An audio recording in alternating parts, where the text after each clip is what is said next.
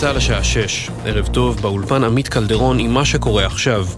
ראש הממשלה נתניהו הכריז בסיכום הסקירה הביטחונית לשרי הממשלה, אנחנו בדרך לניצחון.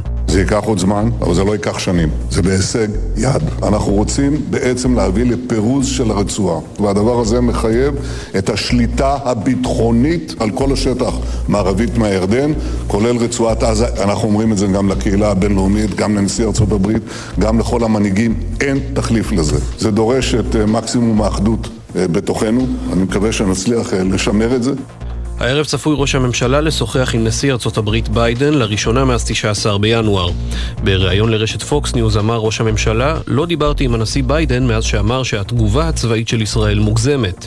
כתבנו המדיני יניר קוזין מציין כי בחמישי בלילה השיב ביידן לשאלה בעניין מתווה שחרור החטופים, ואמר כי התגובה בעזה הייתה מוגזמת. אמירה שפורשה כאילו התכוון לפעילות צה"ל, אך ככל הנראה נאמרה על תשובת חמאס למתווה שחרור החטופים. שבוע להצבעה על הדחת עופר כסיף בכנסת. לפחות חמישה מחברי הכנסת שחתמו בעד הדחתו מתכננים שלא להצביע בסוף בעד המהלך. פרסם את הפרטים כתב התחום הפוליטי שחר גליק. לפחות חמישה חברי כנסת מהמחנה הממלכתי ומיש עתיד שחתמו על הדחת כסיף התחרטו בעקבות התנגדות הייעוץ המשפטי ומתכננים בסוף שלא להצביע בעד בשבוע הבא במליאה, מה שימנע מהמהלך לעבור ברוב של 90 חברי כנסת. במחנה הממלכתי עדיין לא החליטו האם לאפשר חופש הצבעה או לקבל החלטה החלטה גורפת לכולם. חברי הכנסת עודד פורר ועופר כסיף ממשיכים לנסות ולשכנע את כל חברי הכנסת המתנדנדים לקראת ההצבעה, כל אחד לכיוון שלו.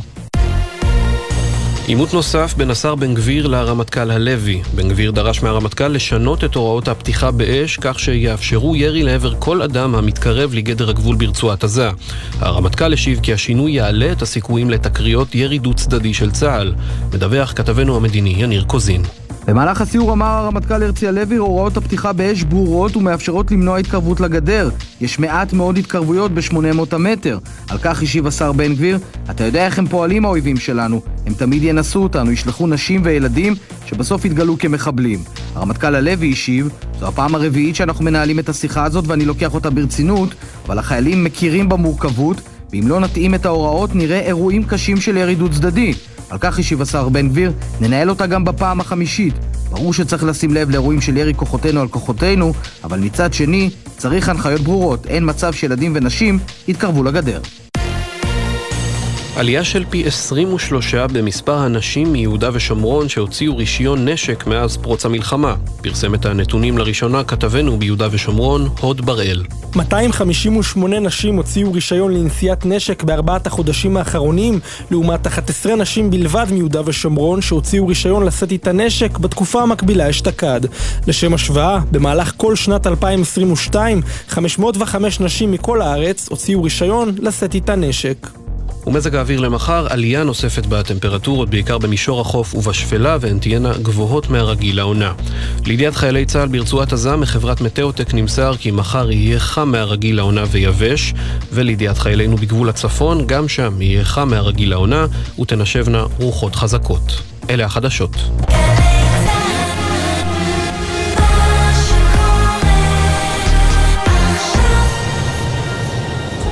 בחסות רויאלטי המציעה לחברי מועדון לרגל הוולנטיינס הנחות ברכישת תכשיטי יהלומים ושעונים.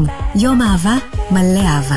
מרויאלטי. בחסות רשת ביתילי, המציעה לכם 25% הנחה על כל הארונות. עם הקולקציה המעוצבת החדשה שלנו, זו יכולה להיות אהבה ממדף ראשון. ביתילי. בחסות אייס, המציעה מוצרים שיחממו לכם את הלב ואת הבית. כמו צמיחת פוך יחיד שבמבצע ב-59 שקלים ו-90. בסניפים ובאתר אייס, עד 12 בפברואר. ישראל במלחמה, עכשיו בגלי צה"ל, סמי פרץ, עם החזית הכלכלית.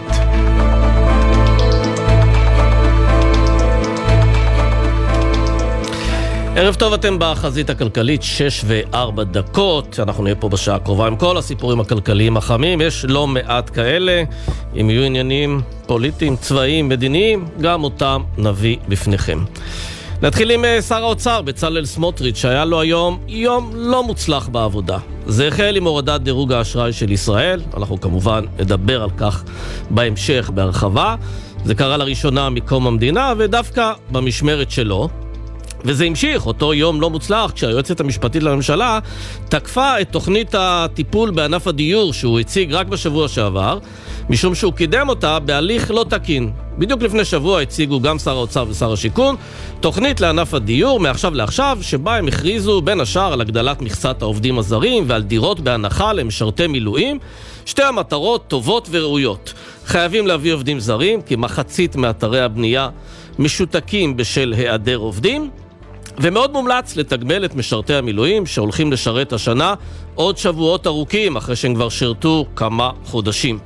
אבל יש דרך לעשות את זה, והיא עוברת דרך עבודת מטה מסודרת, עבודה עם גורמי מקצוע וניתוח ההשפעות של כל החלטה. כל זה לא נעשה לפי היועצת המשפטית לממשלה והסגן שלה גיל לימון. אצה הדרך לשני השרים להכריז על תוכנית מבלי שהיא תהיה אפויה בכלל, ותוך סטייה מצורת העבודה המקובלת. ומה קורה כשזה לא אפוי? אז או שהיועצים המשפטיים עוצרים את זה, או שזה יגיע לבג"ץ שיבלום את התוכנית, ואז כמובן תתחיל התנפלות על בג"ץ. אפשר לחסוך את כל התהליך הזה, ופשוט להכין תוכנית אפויה ומסודרת, ואז היא גם תצא לפועל. שיטת העבודה של שני השרים במקרה הזה מלמדת שהם יותר רצו כותרת בעיתון מכל דבר אחר, לא מעבר לזה. אז הנה, קיבלתם כותרת, אבל תוכנית דיור טובה זה עדיין לא.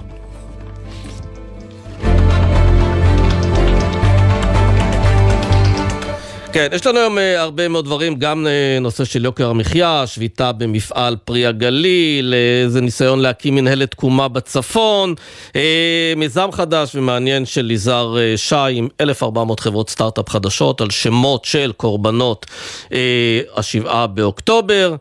ועוד כמה דברים, אבל uh, לפני כן אנחנו רוצים להתחיל עם uh, האירוע של סוף השבוע האחרון, uh, ההודעה של חברת דירוג האשראי מודי'ס, שהורידה את דירוג האשראי של ישראל. איתנו כתבנו ישראל פישר, ערב טוב. שלום סמי, ערב טוב. אז מה, זה מסעיר את המערכת הכלכלית או שנרגעו? תראה, אני יכול להגיד לך שביום חמישי בלילה כבר ידעו לאן הרוח נושבת, כבר הבינו שלשם זה הולך, והיום אתה ראית, כאילו גם הבורסה היום אמנם הגיבה בירידות של 6 עשיריות האחוז, 7 עשיריות האחוז במדדים המובילים, אבל לא הייתה צניחה. אנחנו צריכים להמתין לראות מה יקרה מחר עם הדולר, כי לפי אנליסטים בשוק ההון הדברים מתומחרים. אבל מה עוד יותר חשוב ממה שהבורסה הגיבה, זה איך השווקים העולמיים שבאמת יתעוררו מחר יגיבו למה שקורה בישראל. ואני לא אומר רק להודעה על הורדת הדירוג, אלא לתגובה של שר האוצר, השר הכלכלי הבכיר בממשלה, בצלאל סמוטריץ', שאמר שמדובר בעניינים פוליטיים. אני רק רוצה להזכיר לך ששר האוצר סמוטריץ' הבטיח רק לפני שלושה חודשים פחות או יותר שהגירעון לא יחצה ב-2024 רף של חמישה אחוזים. והנה אנחנו כבר בשישה אחוזים ושש עשיריות ולא בטוח שנעצור שם.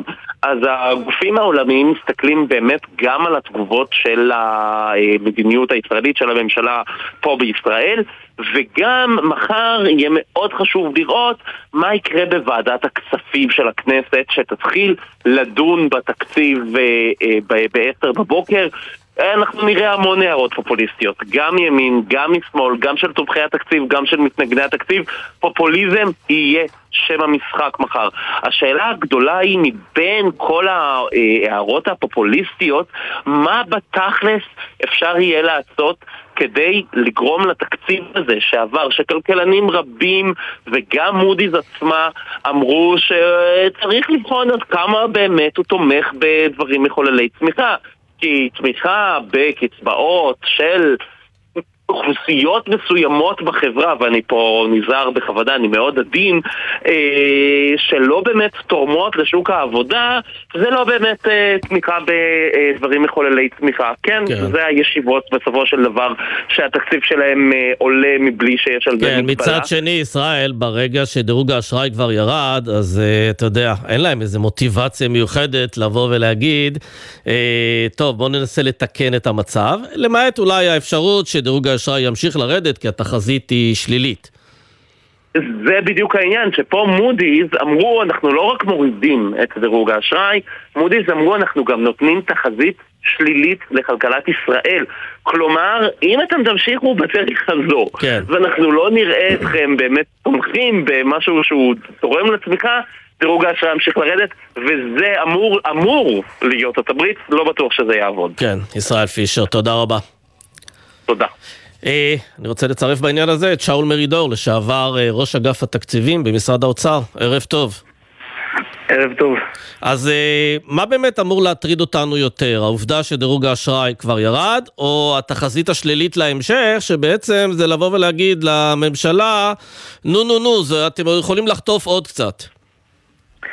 קודם כל מה שצריך להדאיג אותנו שיש עוד שתי חברות דירוג שצריכות לפרסם את הדירוג שלהן בשבועות הקרובים, ועם תשובה כזאת של שר הכלכלי הבכיר בממשלה, אז אני מניח שאתה מבין מה הן חושבות על איך הממשלה מתנהלת. זה הדבר הראשון שצריך להטריד אותנו. הדבר השני, אה, באמת יש פה לא רק הורדת דירוג, אלא גם קביעה שהתחזית לדירוג הבא היא שלילית, וזה גם בעיה קשה. צריך להגיד שלמרות כל אה, הדברים שהממשלה אומרת, הם אומרים במפורש שהם לא ידונו בהעלאה חזרה של הדירוג, במקרה הטוב הם ידונו בהחזרת התחזית ליציבה, אם נעשה את מה שצריך לעשות. מה צריך לעשות? תראה, אנחנו דיברנו על זה הרבה פעמים בעבר, צריך להבין איך הם מסתכלים, והם לא אנשים פוליטיים, והם ש- לא... שזהו, אז אתה אומר הם לא אנשים פוליטיים, אבל הדוח הזה, ויצא לנו לקרוא הרבה, לקרוא הרבה דוחות של חברות דירוג אשראי, אין מה לעשות, יש בו הרבה מאוד התייחסויות לסיכונים הגיאופוליטיים. אנחנו מדברים על חיזבאללה, אנחנו מדברים על עזה, אנחנו מדברים על היעדר פתרונות אה, להמשך, על תהליכי קבלת החלטות שלא ברור להם בדיוק מי מקבל את ההחלטה ואיך. אה, כלומר, יש פה הרבה מאוד היבטים פוליטיים, אי אפשר להתעלם מזה. לא, אז אני, אני רוצה להסביר, זה חשוב גם להסביר לציבור. כלכלה אה, מושפעת מהרבה מאוד דברים. היא מושפעת מהמצב הביטחוני, היא מושפעת מהמצב הגיאופוליטי, היא מושפעת מכל מה שאמרת. ובהקשר הזה ברור שהנתונים האלה רלוונטיים לשאלת הדירוג. התפקיד של חברות הדירוג הוא מאוד פשוט. הן מסתכלות על האיומים, הסיכונים וההזדמנויות של מדינות, ושואלות את השאלה עד כמה מסוכן או לא מסוכן להלוות להם כסף, להשקיע בהן כדי לקבל החזר. וזה מה שהן בודקות, הן לא עוסקות בשאלה אה, מי צודק ומי בסדר או לא בסדר בסכסוך פוליטי כזה או אחר.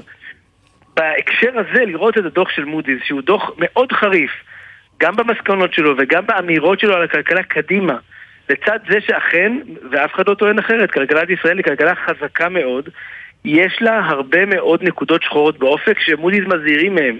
ולא רק שהם מזהירים, אני אזכיר, הם לא הזהירו היום פעם ראשונה.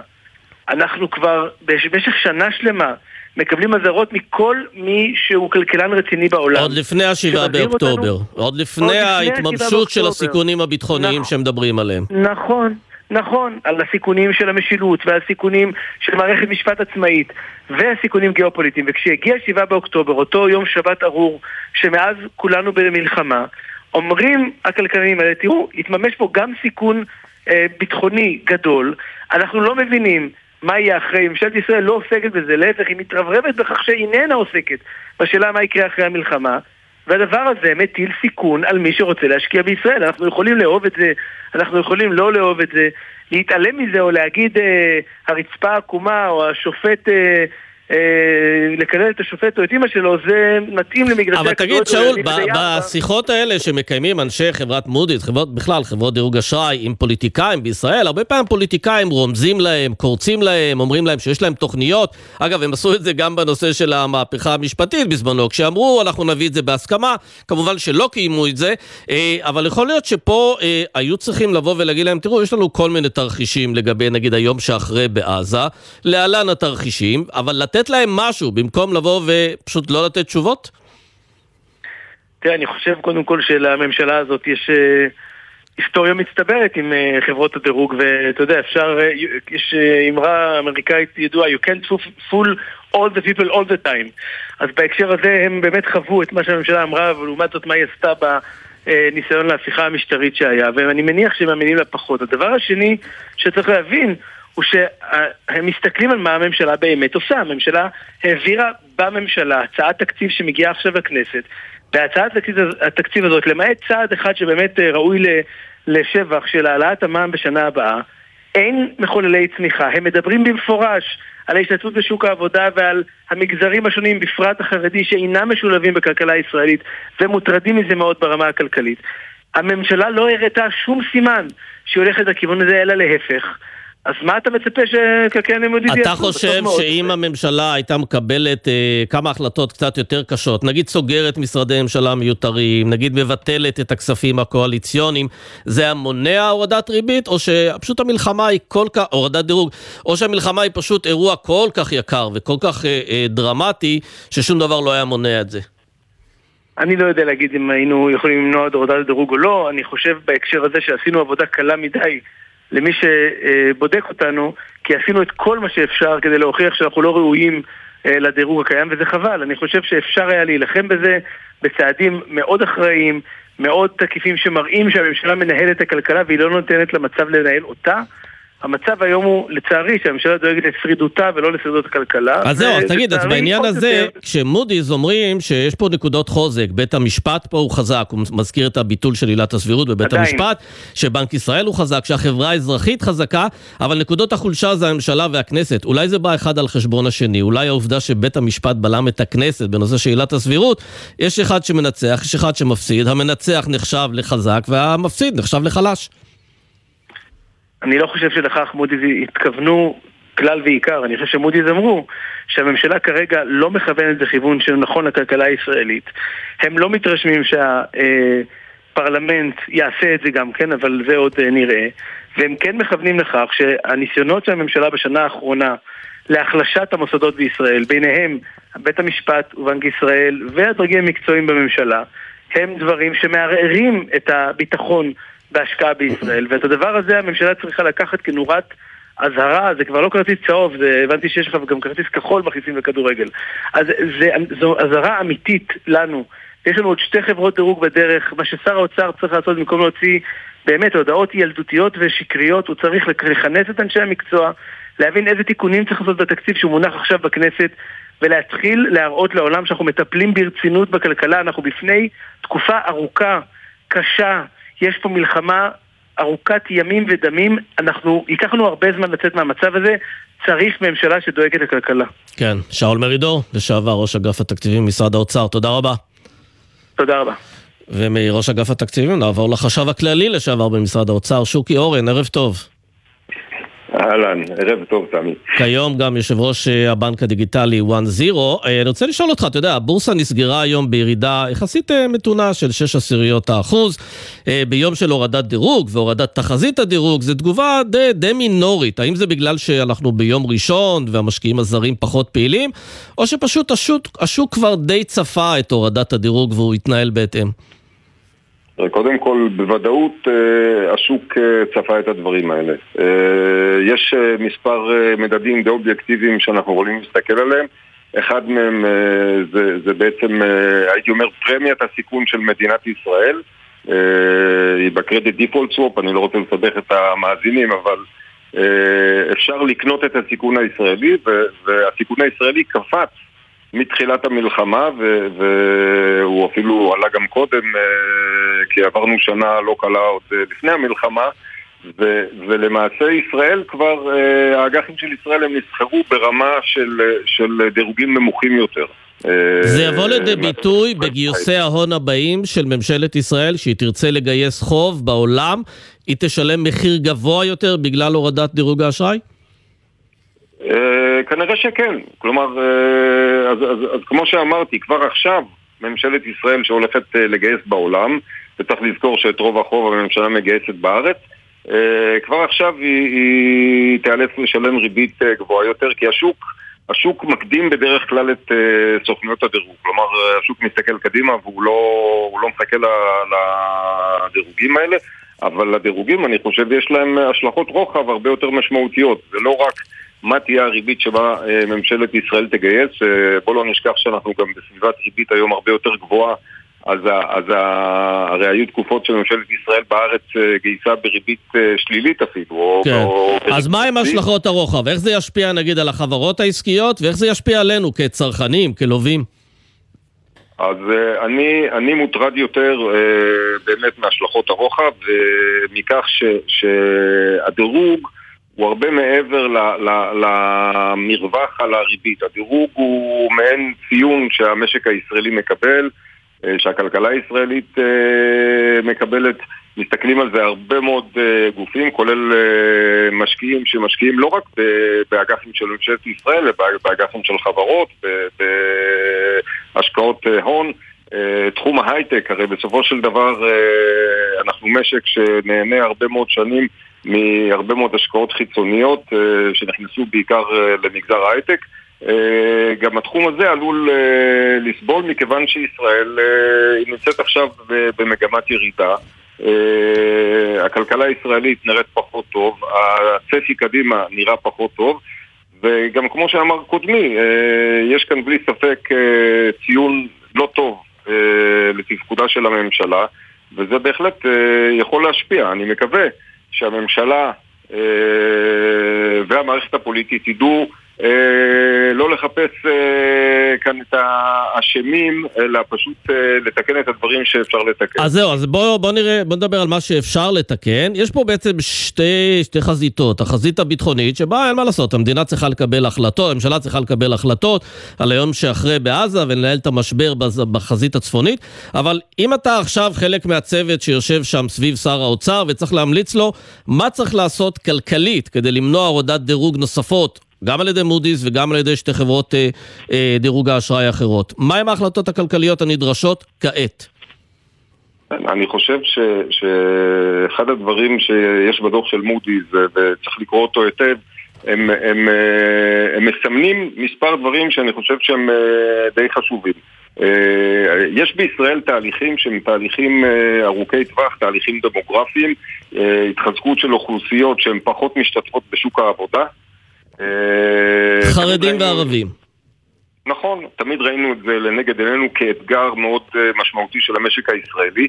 עכשיו, כאשר אנחנו נמצאים במלחמה, שאנחנו יודעים ששנים קדימה תקציב הביטחון יהיה הרבה יותר גדול מאשר אה, בעבר, לא יכול להיות שאנחנו ננהג כאילו שלא קרה שום דבר. אז אתה אומר בעצם להסתכל על זה כעל אירוע של כמה שנים, לא אירוע של איך אנחנו עוברים את החודשיים הקרובים, ולחשוב במונחים של מנועי צמיחה אה, לכמה שנים.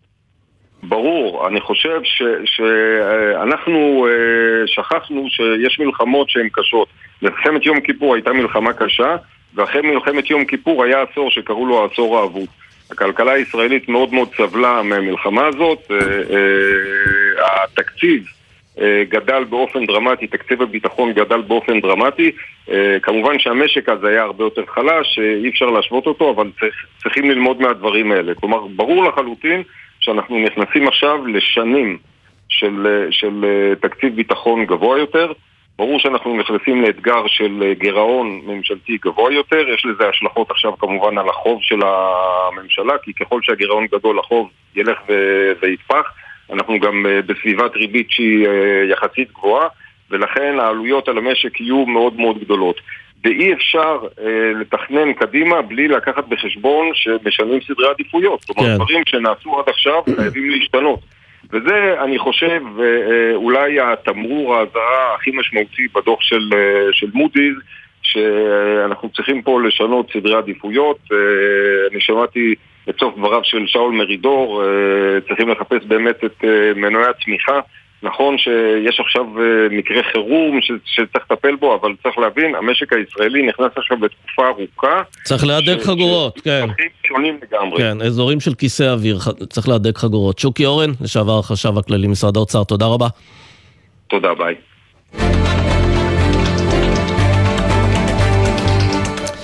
נגיד ערב טוב לסגן הרמטכ"ל לשעבר, אלוף במילואים יאיר גולן, ערב טוב. ערב טוב. גם סגן שרת הכלכלה לשעבר, יש לי כמה עניינים איתך, ואני רוצה דווקא להתחיל עם הכובע שלך כסגן אה, שרת הכלכלה.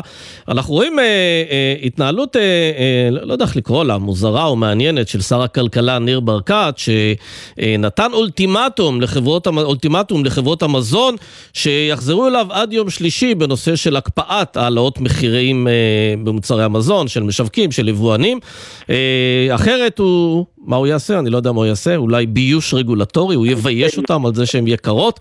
איך אתה רואה את זה בתור סגן שרת הכלכלה, את ההתנהלות הזו של שר הכלכלה? זה התנהלות uh, פתטית. Uh, הרי אם באמת רוצים להילחם ביוקר המחיה, uh, צריך לנקוט פה במדיניות משולבת של משרד הכלכלה עם משרד האוצר. וצריך להפגין גם מול ראשי הרשתות רצינות ממשלתית. Uh, כלומר, להגיד לרשתות, תראו, אנחנו מכניסים את היד לכיס, אנחנו מבינים שהמשק נכנס לתקופה קשה, אה, ולכן אנחנו דורשים מכם להוריד מחירים, אבל אנחנו עושים גם משהו עבורכם. למשל, הורדת מחירי האנרגיה, שכמובן זה אומר פחות הכנסות למדינה. זה לא דבר פשוט. אבל המדינה, המדינה צריכה כסף, אתה מעודכן שהמדינה אה, צריכה הרבה מאוד אה, כסף? נכון. 255 יפה, מיליארד שקלים יפה. עלות המלחמה. אז יפה, אז אני אומר, אם רוצים להניע את המשק, להמריץ אותו, לעודד צריכה, צריך לנקוט בצעדים רציניים ומתואמים עם האוצר. משרד הכלכלה הוא חלש מדי מכדי לנקוט בצעדים לבד. הוא חייב, בהרבה מאוד נושאים, בוודאי בנושאי מקרו של המשק, הוא חייב את הסיוע של משרד האוצר. אז אתה אומר לא גזרים לא ולא להגיע... מקלות, אבל יש, אתה יודע, יש אה, לממשלה הרבה מאוד דרכים, גם לפתוח את, ה, את השווקים ליבוא, גם להסיר כל מיני חסמים, גם לפרוס שטיח כל... אדום לשחקנים חדשים שרוצים לבוא ולהתחרות. זה הכל, זה הכל תהליכים מאוד מאוד ארוכים, ספק אם הם יקרו. אה, אם הממשלה הייתה רצינית, היא קודם כל הייתה מבטלת לחלוטין את כל הכספים הקואליציוניים, שאף שקל מהם לא הולך למשהו יצרני, ומיד סוגרת עשרה משרדי ממשלה. שמיותרים לחלוטין, וברור לכולנו שהם מיותרים לחלוטין. דרך אגב, אני מאמין שאם היו נוקטים בצעדים כאלה שמעידים באמת על רצינות ממשלתית, אחד, היבואנים היו נעתרים לבקשה ולא היו בכלל מגיעים לאיזשהו משבר. שתיים, מודי'ס לא הייתה מורידה את דירוג האשראי, כי הייתה אומרת, ממשלת ישראל מתמודדת באופן רציני עם העלות הכבדה של עלויות המלחמה. אה, וכל העסק הזה היה נראה אחרת, אבל זו חבורה לא רצינית, אה, לא, לא אמיתית, אה, לצערי גם לא מבינה בכלכלה, ומה שקורה הוא שתגובת שר האוצר זה שדוח מודי'ס זה אנטישמיות. כן, אז זהו, אז כבר דיברת על הורדת דירוג האשראי, אתה הרי מארגן בימים אלה הקמת מפלגה, מפלגת שמאל חדשה, יש לך אנשים כלכליים שידעו לטפל בהעלאת הדירוג חזרה?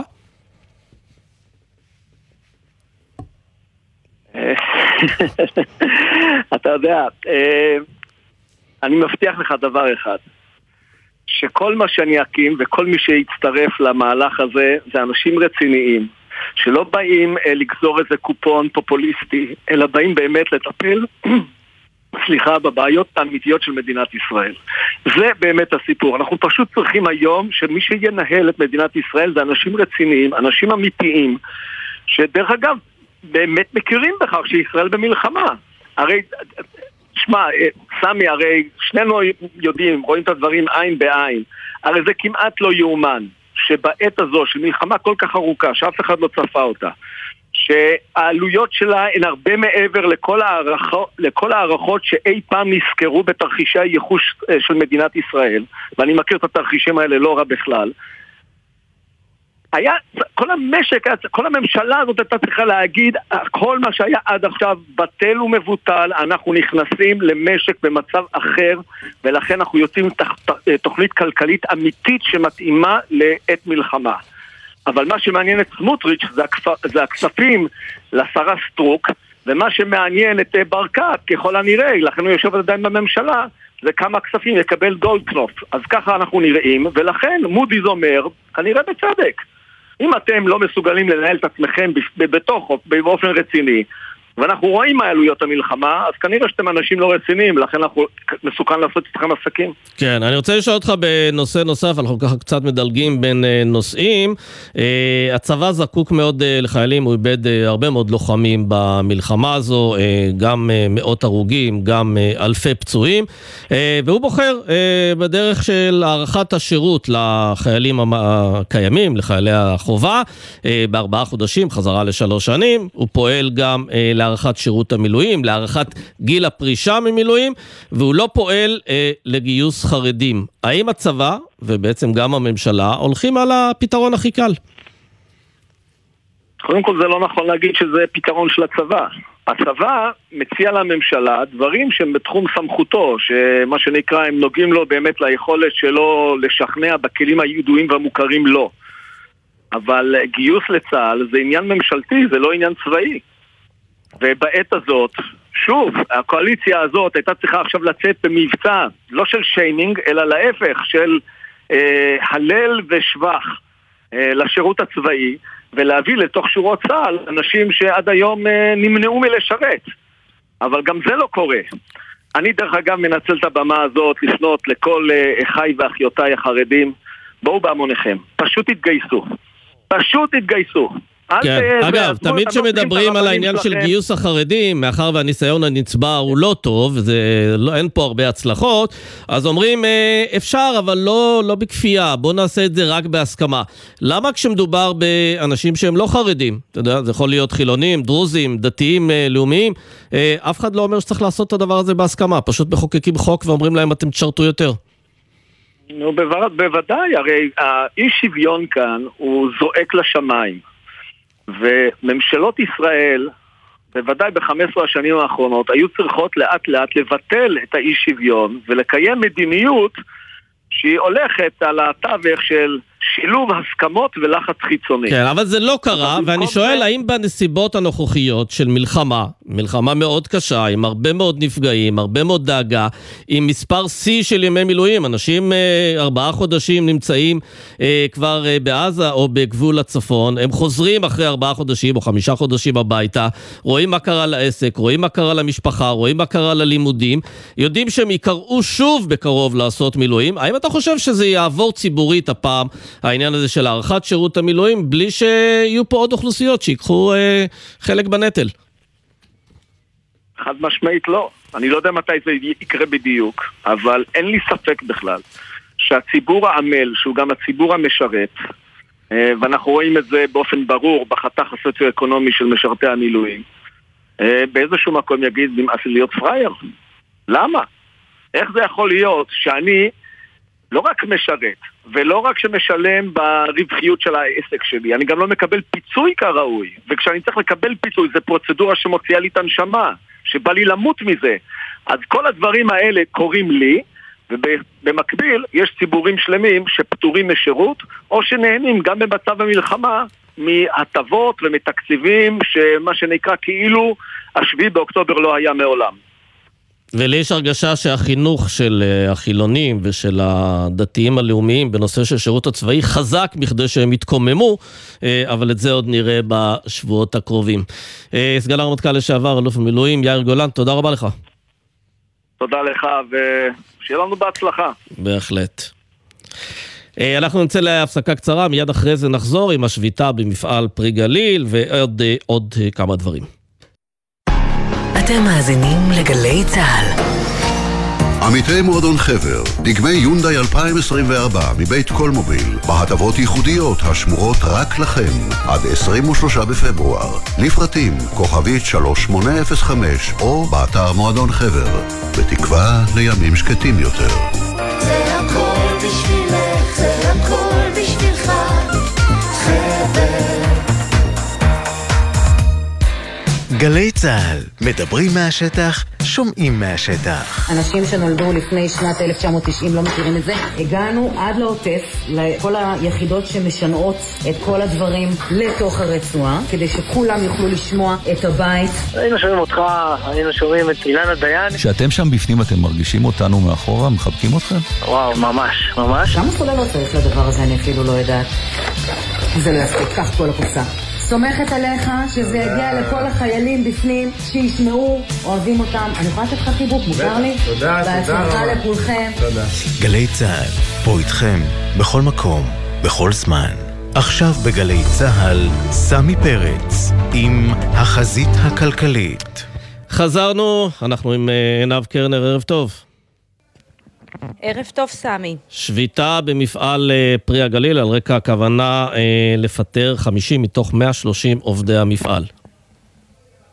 נכון מאוד. אז בעצם השביתה הזו, סמי, מגיעה אחרי שהיו אין ספור אה, דיונים בשבועות האחרונים בניסיון למנוע את הפיטורין של העובדים במפעל. נזכיר שכבר חולקו 25 שימועים לעובדי המפעל, אבל בנוסף, בסוף השבוע האחרון קיבלו הודעה עוד 45 עובדים, אנחנו מדברים על 70 עובדים, יותר ממחצית מסך העובדים במפעל, כאשר הם כבר עברו שני גלגולים אה, של פיטורין, וצריך לומר, אתה יודע, אני הייתי שם היום, הלכתי מה שנקרא להסתכל ולהביט הישר לתוך העיניים של העובדים, אני מרשה לעצמי באמת לומר עובדים מסכנים, חסרי אה, תקווה, חסרי, אה, אה, חוסר ודאות מוחלט, אף אחד לא מדבר איתם, למעט אה, יושב ראש ועד העובדים, שעוד מעט אתה גם תדבר איתו ותשמע בקולו את המצוקה, ומההסתדרות מנהל אה, המרחב אה, בגליל עליון יונה פרטוק, אבל אף אחד, לא מהבעלים שזה חצי חינם סמי, ולא מנכ"ל המפעל עושק אפרים, אף אחד פשוט לא יצא לדבר עם העובדים ושוחחנו במהלך היום הזה עם רבים מהם, כולם מדברים על החשש, הרבה מהם עובדים במפעל הזה אה, יותר מ-20 וגם 30 שנה, הם בני 60 פלוס ושואלים לאן נלך, מי יקבל אותנו? ואני מזכירה לך סמי שאנחנו נמצאים בתקופת מלחמה, גם ככה חוסר הוודאות הוא כל כך גדול וכל כך מקשה על כל משקי הבית, בוודאי כשמדובר על אוכלוסייה, אפשר לומר, אחת האוכלוסיות החלשות שמתבססת על משכורת מינימום ולמרות זאת הם עדיין נלחמים כדי, ונאבקים כדי להישאר אה, במפעל. כן נציין שבשבוע שעבר היה דיון בוועדת הכספים שדווקא הייתה שם סוג של אופטימיות כי גם אה, דיברו על זה שאולי לקראת העברת התקציב יכניסו פתרונות כדי להחזיק את המפעל הזה על, על הרגליים ולמנוע את הפיטורין או לפחות לצמצם אותם ובאורח מאוד באורח פלא כן. במקום שיקדמו איזשהו מהלך בדיוק ההפך קרה נתנו עוד 45 אה, מכתבי שימוע לעובדים זה בהחלט אה, כן. מצב לא קל לעובדים ונקווה שימצאו הפתרונות. עינב קרנר, תודה רבה. אה, אנחנו מצרפים את אה, מוטי חזיזה, יושב ראש ועד אה, העובדים של פרי הגליל בחצור הגלילית. ערב טוב. ערב טוב עד כמה שיכול להיות טוב, אבל uh, כמו שאמרה עינב, אני באמת, uh, היא הייתה פה היום ואני בהחלט מפרגן לה, היא הביאה וראתה את הכל, מה שרואים בעין זה לא מה שרואים בתיאוריה ולא בזווית אחרת כזו או אחרת, אלא בתוך מציאות. כן, אבל מוטי, תגיד לי, אני מנסה להבין, אה, המאבק שלכם הוא בעצם, אתם מתנגדים לחלוטין לפיטורים, או שפשוט אתם מנהלים מאבק כדי שהפיטורים יהיו בתנאים טובים יותר למפוטרים? תראה, היו כבר כמה מהלכים לפיטורים שחשבנו בו... אה, אולי באיזשהו שלב הבעלים יבינו שהנה קיבלתם, באתם, אתם במצב קשה, אז התאגדנו יחד עם מועצת הפועלים, אה, עם מי שאמור לתת את המענה, וישבנו וניהלנו דיונים. אז באוגוסט, באוגוסט באו ואמרו מתחילים את המצב קשה, התחלנו, הבנו, בשביל לא להגיע לרגעים האלה. מאוגוסט זה גלש לינואר, מינואר זה גולש לפברואר, בעצם תקשיב, אין לזה סוף. והיום ההחלטה היא החלטה מלאה של ועד העובדים ואני לוקח את האחריות כיושב ראש ועד העובדים יחד עם ההסתדרות ויחד עם uh, uh, כל הגורמים שבעצם רלוונטיים לנושא והחלטנו די עד פה. מכאן והלאה נגמרו הסנטימנטים, נגמרו הכל. ברור, אבל אני מנסה אבל להבין, מוטי, מה אתם דורשים בעצם? אתם דורשים שיבטלו לא, את, את הפיטורים, או, או שפשוט ייתנו תנאי פרישה טובים? סמי, אני אגיד לך מה, מה העובדים דורשים? ובוא תגיד לי, אתה תן לי תשובה, אני לא, לא הצלחתי להשיג את התשובה מאף אחד במדינה הזו.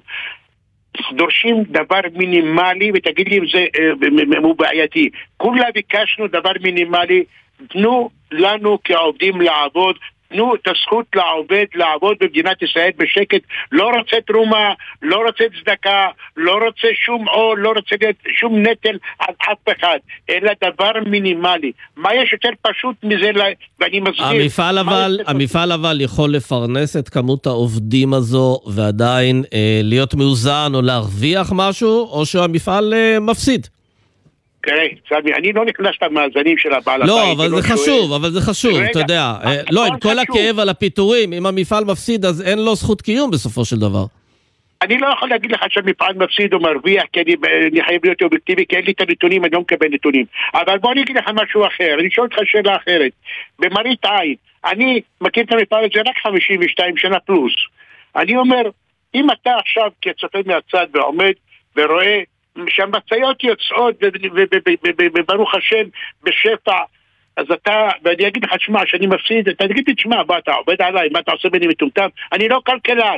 אבל אני אומר לך עוד פעם, מה, מה שרואים בעין זה לא מה שהתיאוריה אומרת ולא מה שהמספרים אומרים. אלא אני אומר לך, קח את העובד הפשוט, כי הוא לא כלכלן, הוא אומר לי, מוטי, מה אתה מספר לי סיפורים, הבעל בית אמר לך, אבל אנחנו רואים מה משאיות, כן, לא, אבל מוטי, אין, ספק שמנקודת מבט, מבטו של העובד, כמובן, הדבר הכי חשוב זה הפרנסה. ואני רוצה לשאול אותך, דווקא כמי שעובד שם כל כך הרבה שנים, אה, המפעל הזה זה לא סוד, הוא נמצא בכותרות ובסכנת סגירה כבר יותר מעשור, ואני תוהה לפעמים, יש טעם להמשיך ולהילחם על חייו של המפעל הזה? לא כדאי להיאבק, להביא במקומו מפעלים אחרים, שיש להם קצת יותר סיכוי לשרוד, ואז וואלה. הפרנסה תהיה לתקופה ארוכה יותר? וואלה, סמי, תשמע, אני באמת מפרגן לך על השאלה הזו. אני שואל את המדינה, אנחנו גרים בעיירות הפיתוח בפריפריה הצפונית, אני לפחות בן 68 שנים, מתי מישהו קם במדינה הזו והקים איזה מפעל בעיירה חצור הגלילית? בואו תביאו אלטרנטיבה לפרי הגליל, מי צריך את פרי הגליל? מי צריך את זה בכלל? היו רצים אחרינו. המדינה הקימה מישהו, הואיל בטובו לחשוב בכל זאת שיש פה פריפריה צפונית, יש אזור פיתוח שכל אחד מהם מתגאה ורוצים לפת... לעזור ולתת סיוע לפ... לפריפריה. איזה סיסמה ריקה מתוכן. מישהו בא נתן איזה, הביא איזה, איזה פעילות מינימלית שיכול לתת את האלטרנטיבה לאנשים האלה. מישהו יזם משהו, הגיעו איזה, איזה מפעלי הייטק או איזה מפעלי תעשייה אחרים. הרי זה לא, יביאו לכל המקומות האחרים, אבל לא לפריפריה הצפונית, אני לא בטוח גם בדרומית, אבל לפחות אני יכול להעיד שבחצור, אני יליד חצור הגלידית משנת 1955 עד נכון להיום לא ראיתי כאן פה בצפון מפעל אה, עתיר ידע או לא גם מפעל שבעצם יכול להעסיק את האנשים כן. שהם לצערנו לא למדו, שבאו ממרוקו, לא מ- מכל העלייה האחרת, לא, לא למדו מה, ש... כן. את, מה שלומדים היום. מוטי, אז תשמע, אה, אנחנו נסיים כאן, אבל אני מזמין אותך להקשיב לאייטם הבא, כי גם הוא עוסק בתחום הצפון. אז אה, נגיד תודה בשלב הזה, מוטי חזיזה, יושב ראש ועד העובדים של פרי גליל. תודה. ביי, תודה לך.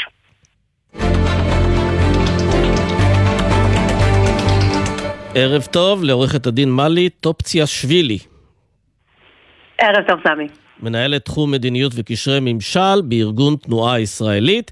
אה, האמת, יצא לי לדבר פה כמה פעמים בתוכנית על כך שצריך לה, להקים איזה מין מנהלת תקומה גם לצפון, הרי הצפון אה, חוטף אה, לא מעט, וגם הוא נמצא במצב קשה, עם הרבה מאוד מפונים.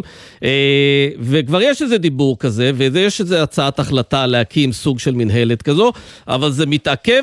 תעדכני אותנו איפה זה עומד. אז בגדול אני אספר קצת על הצעת מחליטים הזאת. יש כבר הצעת מחליטים של משרד הפנים שמסתובבת משהו כמו חודש וחצי על הקמה של מינהלת.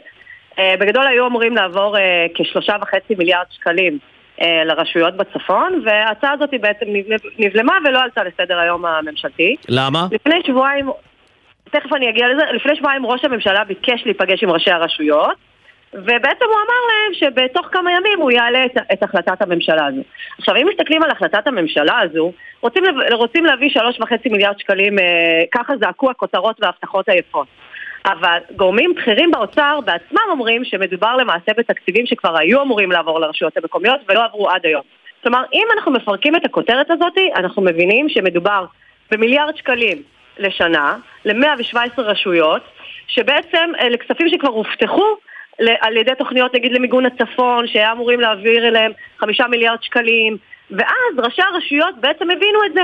הם הבינו את זה, הם הבינו שזה סוג של ישראבלוף, ואפילו פקידי האוצר הודו בזה, ואז מה שקרה זה שהיום, ככל הנראה שראשי הרשויות מנהלים משא ומתן על, על תוספת תקציב של כמיליארד וחצי שקלים, כי הבינו שבעצם זה לא באמת אה, תקציבים... אה, אבל רגע, חדשים. שנייה, מלי, אני מנסה עוד להבין, הכסף הזה, אה, יש איזו הגדרה, מה בדיוק עושים איתו? הוא מיועד רק לשיקום, לכל הבתים שנפגעו, למטעים, למפעלים שנפגעו? הוא מסומן? אה, אז יש בהחלטת ממשלה בעצם כן חלוקה לנושאים, הוא אמור להיות אה, אה, למיגון אה, של הצפון, גם לשיקום, אה, גם של המפעלים, גם של הבתים, אה, גם אה, לשיקום התשתיות. כן, זה, זה לגמרי, ההכוונה של הכספים היא כן נכונה, אבל הבעיה היא שזה כספים שכבר הובטחו, וזה לא כספים חדשים. אז, אה, אז בעצם ראשי הרשויות בצפון זועקים ואומרים, חבר'ה, זה לא, זה, זה קצת בלוף בגדול. כן, אבל אה, את יודעת, יצא לי פה אה, לשאול כמה פעמים על העניין הזה של סוג של מנהלת תקומה לצפון, ואמרו לי, תראה, יש בעיה. אה, בדרום הצבא עובד ואמור שם אה, להשלים את המשימות שלו מתישהו, ואז אפשר יהיה להתחיל את השיקום של היישובים. בצפון אנחנו עדיין לא יודעים איזה מין אה, אירוע יהיה שם, איך ירחיקו משם את החיזבאללה, במלחמה, בהסדר מדיני, וכל עוד לא ברור איך זה יקרה, אז אפילו לא יודעים להעריך לכמה כסף יידרש וכמה שיקום יידרש. נכון, אבל החלטת ממשלה כזו יכולה לשקלל בעצם בתוך, בתוך ההחלטה עצמה את השיקום העתידי. כלומר, גם אגב, גם בהצעת המחליטים גם הם, הם באמת משקללים את זה. הם באמת אומרים שהתקציב שיועבר זה כ, כגודל הנזק שבאמת יהיה במנהלת הצפון הזו.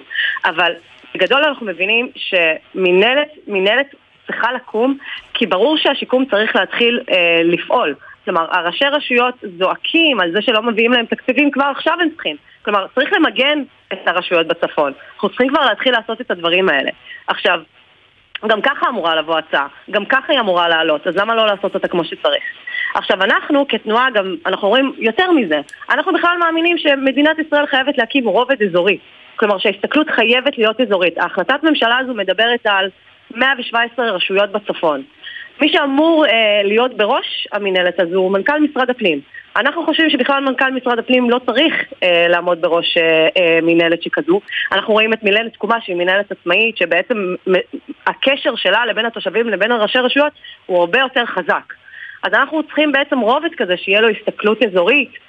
אה, שיהיה לכם איזה שריף צפוני כזה שתוכלו לעבוד מולו ולא בדיוק. תהיו, תחכו כל פעם שמנכ"ל משרד הפנים יגיע אליכם. את מאמינה שזה מה? שזה יקצר תהליכים? שזה יביא תוצאות יותר טובות? אני מאמינה שזה ינתק את הקשר בין הפוליטיקה לבין קידום של אזור. אנחנו רואים שבאמת הפוליטיקה, כמה היא מתערבת, אנחנו מכירים את זה, כמה באמת קשר של ראשי רשויות ממפלגות מסוימות מצליחים להביא החלטות ממשלה לרשויות שלהם עצמם. אנחנו רואים את הקשר הזה, והתפיסה חייבת להיות אזורית. אנחנו חייבים, כדי להציל את הפריפריה, גם בצפון וגם בדרום, יש לנו עכשיו 130 אלף מפונים, אה, אנחנו, ו- ויש יש סקרים, באמת, אה, של תוצאות איומות שמדברות על זה שארבעה מתוך עשרה של תושבי הצפון אומרים שהם לא יחזרו, כן. הם לא כן. יחזרו למקום הזה. אז אם לא יהיה תכנון לטווח ארוך, כן. הפריפריה הצפונית והפריפריה בדרום ילכו כמה שנים אחורה. עורכת הדין מלי טופציושווילי, תודה רבה. תודה רבה.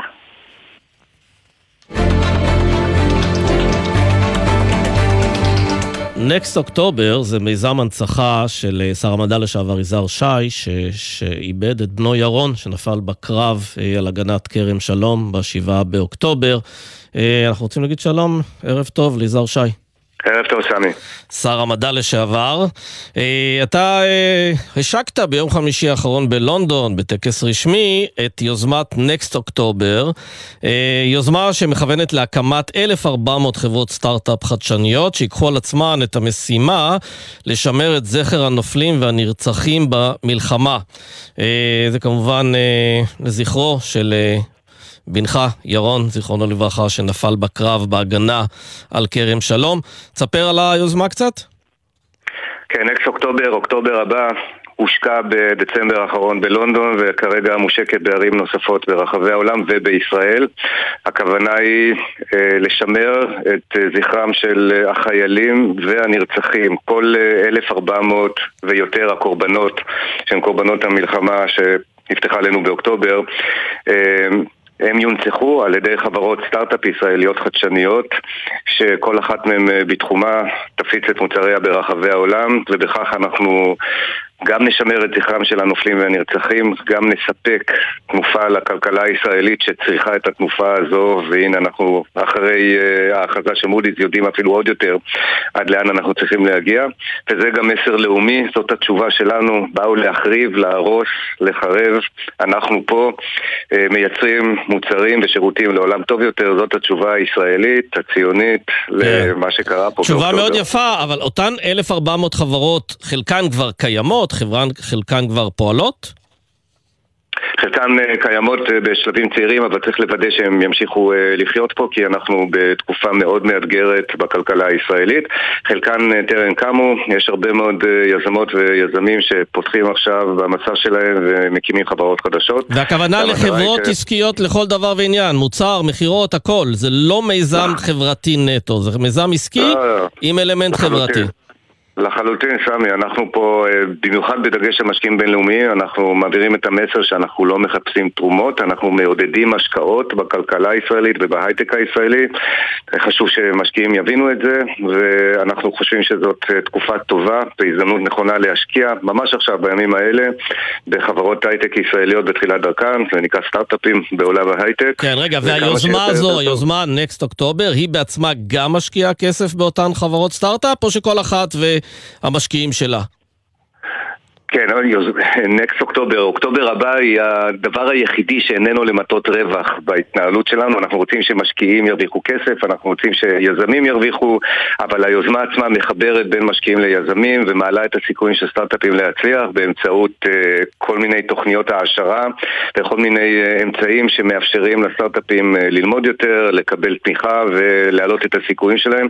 חשוב לנו מאוד שהסטארט-אפים האלה יצליחו, זה חשוב לכלכלה, זה חשוב מאוד מאוד כדי לשמר את זכרם של הנופלים, וזאת גם התשובה הנכונה שלנו. לכן אנחנו מדגישים שוב ושוב, זה חייב להיות כלכלי, זה חייב להיות אינטרס עסקי שכל מי שבא לפה ומממן את הסטארט-אפים האלה. כן, עכשיו שאלה קצת רגישה. אנחנו יודעים שחלק גדול מחברות הסטארט-אפ לא שורד. אה, חלק ישרדו, חלק לא ישרדו, אה, ואז אה, מה שיקרה זה שאותן חברות שיצליחו, אז את אותם קורבנות שהם ינציחו, אנחנו נזכור, כי הם ימשיכו לפעול, אבל יש סטארט-אפים שלא ישרדו בעצמם. מה נעשה עם אותם קורבנות שאומצו על ידי חברות סטארט-אפ שלא שרדו? זאת שאלה מצוינת, והניסיון שלנו, אה, סמי, מלמד שיזמים ויזמות שחלילה נכשלו בסטארט-אפ אחד עוברים לסטארט-אפ הבא וממשיכים שם לעשות את העבודה שלהם. אז אנחנו יודעים שכיוון שמדובר פה במחויבות אישית, אם הסטארט-אפ שלך חלילה לא הצליח, את תלכי בסטארט-אפ הבא ושם את תשמרי את זכרו של אותו קורבן שנרצח או חייל שנפל, אה, וכך גם במקומות אחרים. זכרם של הקורבנות ראוי שישמר, זו משימה לאומית. לאומית ואנחנו יודעים שאנשים שאנחנו מדברים איתם, אנחנו מדברים עכשיו עם הרבה מאוד uh, יזמות ויזמים שבאים אלינו עם המוטיבציה הזו לשמר את זכרם של הנופלים אנחנו יודעים שהם יקרו את זה לכל מקום שבו הם יהיו זה חשוב להם, זה חשוב להם ברמה האישית וגם ברמה הלאומית כן, ותגיד, וכל חברה שזה... בעצם בוחרת איך היא מנציחה או שיש איזה... מתאר כלשהו, מתווה שאתם מספקים להם לדרך שבה אה, צריך אה, לזכור? זו שאלה מצוינת. אז אה, הסטארט-אפים שאנחנו מדברים איתם, יש להם כבר רעיונות, וזה באמת אה, גם קשור ביכולתו של הסטארט-אפ. ככל שהחברה גדלה יותר, יש לה יותר אמצעים ויותר משאבים ואנשים כדי לעסוק בפעילויות, כך שאנחנו, זה יתפתח לאורך השנים. אנחנו uh, בהחלט מציעים רעיונות החל מקיר זיכרון והמשך בפעילויות של החברה כדי לעבוד ביחד עם המשפחה בצורה שוטפת לאורך השנים.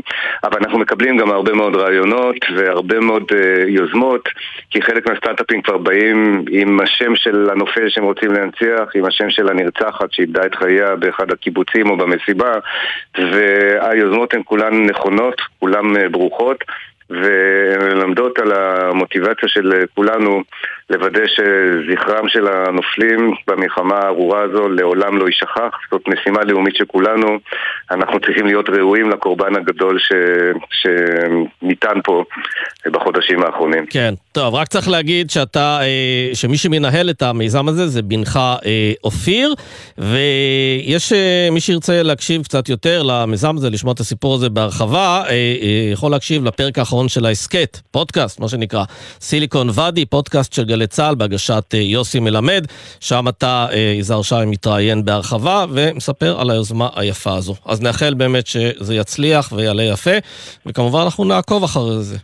אז אה, תודה, תודה רבה. ומי שרוצה, ומי שרוצה פרטים נוספים, nextoctober.org, ORG, זה האתר שלנו, בואו אלינו ובואו ננציח ביחד את הנופלים והנרצחים. כבר יש לי רעיון את מי להנציח, אני אעשה את זה בזמני החופשי. תודה רבה, יזהר שי. תודה. ולפינתנו האהובה, שבה אנחנו מרימים לעסקים ולמילואימניקים, ועכשיו יש לנו גם עסק וגם של מילואימניק, איתנו מתן אה, לאור, ערב טוב. אהלן, ערב טוב. אה, אתה מסיים ארבעה חודשי מילואים, איפה? אה, אני מסיים ארבעה חודשי מילואים, כן, בגדוד אה, 8226, וחבר'ה של אה, יחידת אגוז וגולני. היינו ברמת הגולן אה, בערך חודשיים, וחודשיים אה, בעזה, סך הכל בערך ארבעה חודשים, משהו כזה. כן. ממש עכשיו רק משת- משתחררים. טוב, אז קודם כל ברכות על השחרור. אה, יש לך עסק, אה, קוראים לו קוקימי, שקיים כבר שלוש וחצי נכון. שנים בפרדס חנה, תספר קצת על העסק. אה, עסק מתוק שלי ושל אשתי, שהתחלנו אותו באמת לפני שלוש וחצי שנים. אה, זה התחיל משהו מהבית, של עוגיות חמות בלילה, והתפתח לממש בית קפה ועוגיות אה, מדהימות. עובדים גם, גם בלילה עד, עד היום, משמרים את זה. אתם בסצנת טובה, הלילה. של פרדס חנה? שמע, אתה הגדרת, אבל אנחנו עובדים בלילה בעיקר, ומחנכים את כל מי שמגיע. כן, וזה מקור הפרנסה שלכם? של המשפחה? כן, זה מקור הפרנסה שלנו, אה, מזה אנחנו מתפרנסים, ואנחנו עצמאים אה, בעצם מהקמת העסק הזה.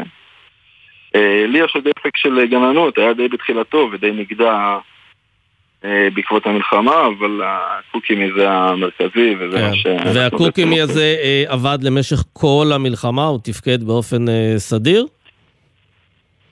אה, לא, מן הסתם בשבועיים, לקח לנו קצת זמן מאז מה-7 לאוקטובר לחזור לפתוח, כמעט אה, שלושה שבועות שהיינו סגורים, וגם אז חזרנו בהדרגה.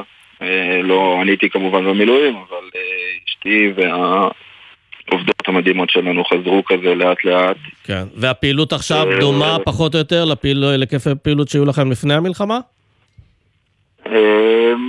פחות או יותר, זאת אומרת ינואר אה, כזה, אנשים קצת חזרו לשגרה וגם קצת אנחנו, אם אפשר לקרוא לזה, אבל אה, מן הסתם כמו כל העצמאים אה, או מרביתם פה במדינה, אז אה, המלחמה פגעה חזק.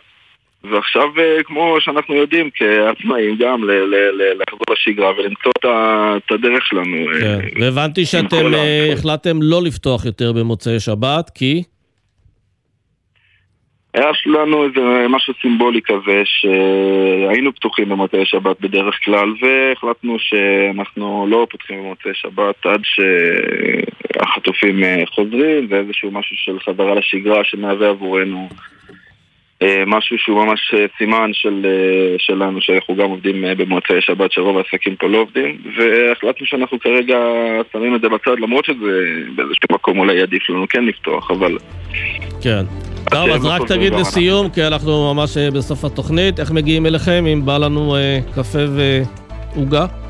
אה, חרובים ארבע פרדס חנה פועלים באמצע השבוע מ-1 עד 11 יום שישי גם בבוקר ונשמח אם תבואו בכיף. יפה. טוב, מתן לאור, שיהיה בהצלחה, ושהעסק ישגשג ויפרח. תודה רבה. תודה. זהו, סיימנו. נגיד תודה לנועה ברנס, העורכת שלנו, לעדן רכלין שהפיקה, על הביצוע הטכני, אלה מוטולה ועמית אה, קלטר. ועורך הדיגיטל רן לוי, מיד אחרינו טלי ליפקין שחק, מחר יהיה פה ישראל פישר עם החזית הכלכלית כרגיל. ערב טוב.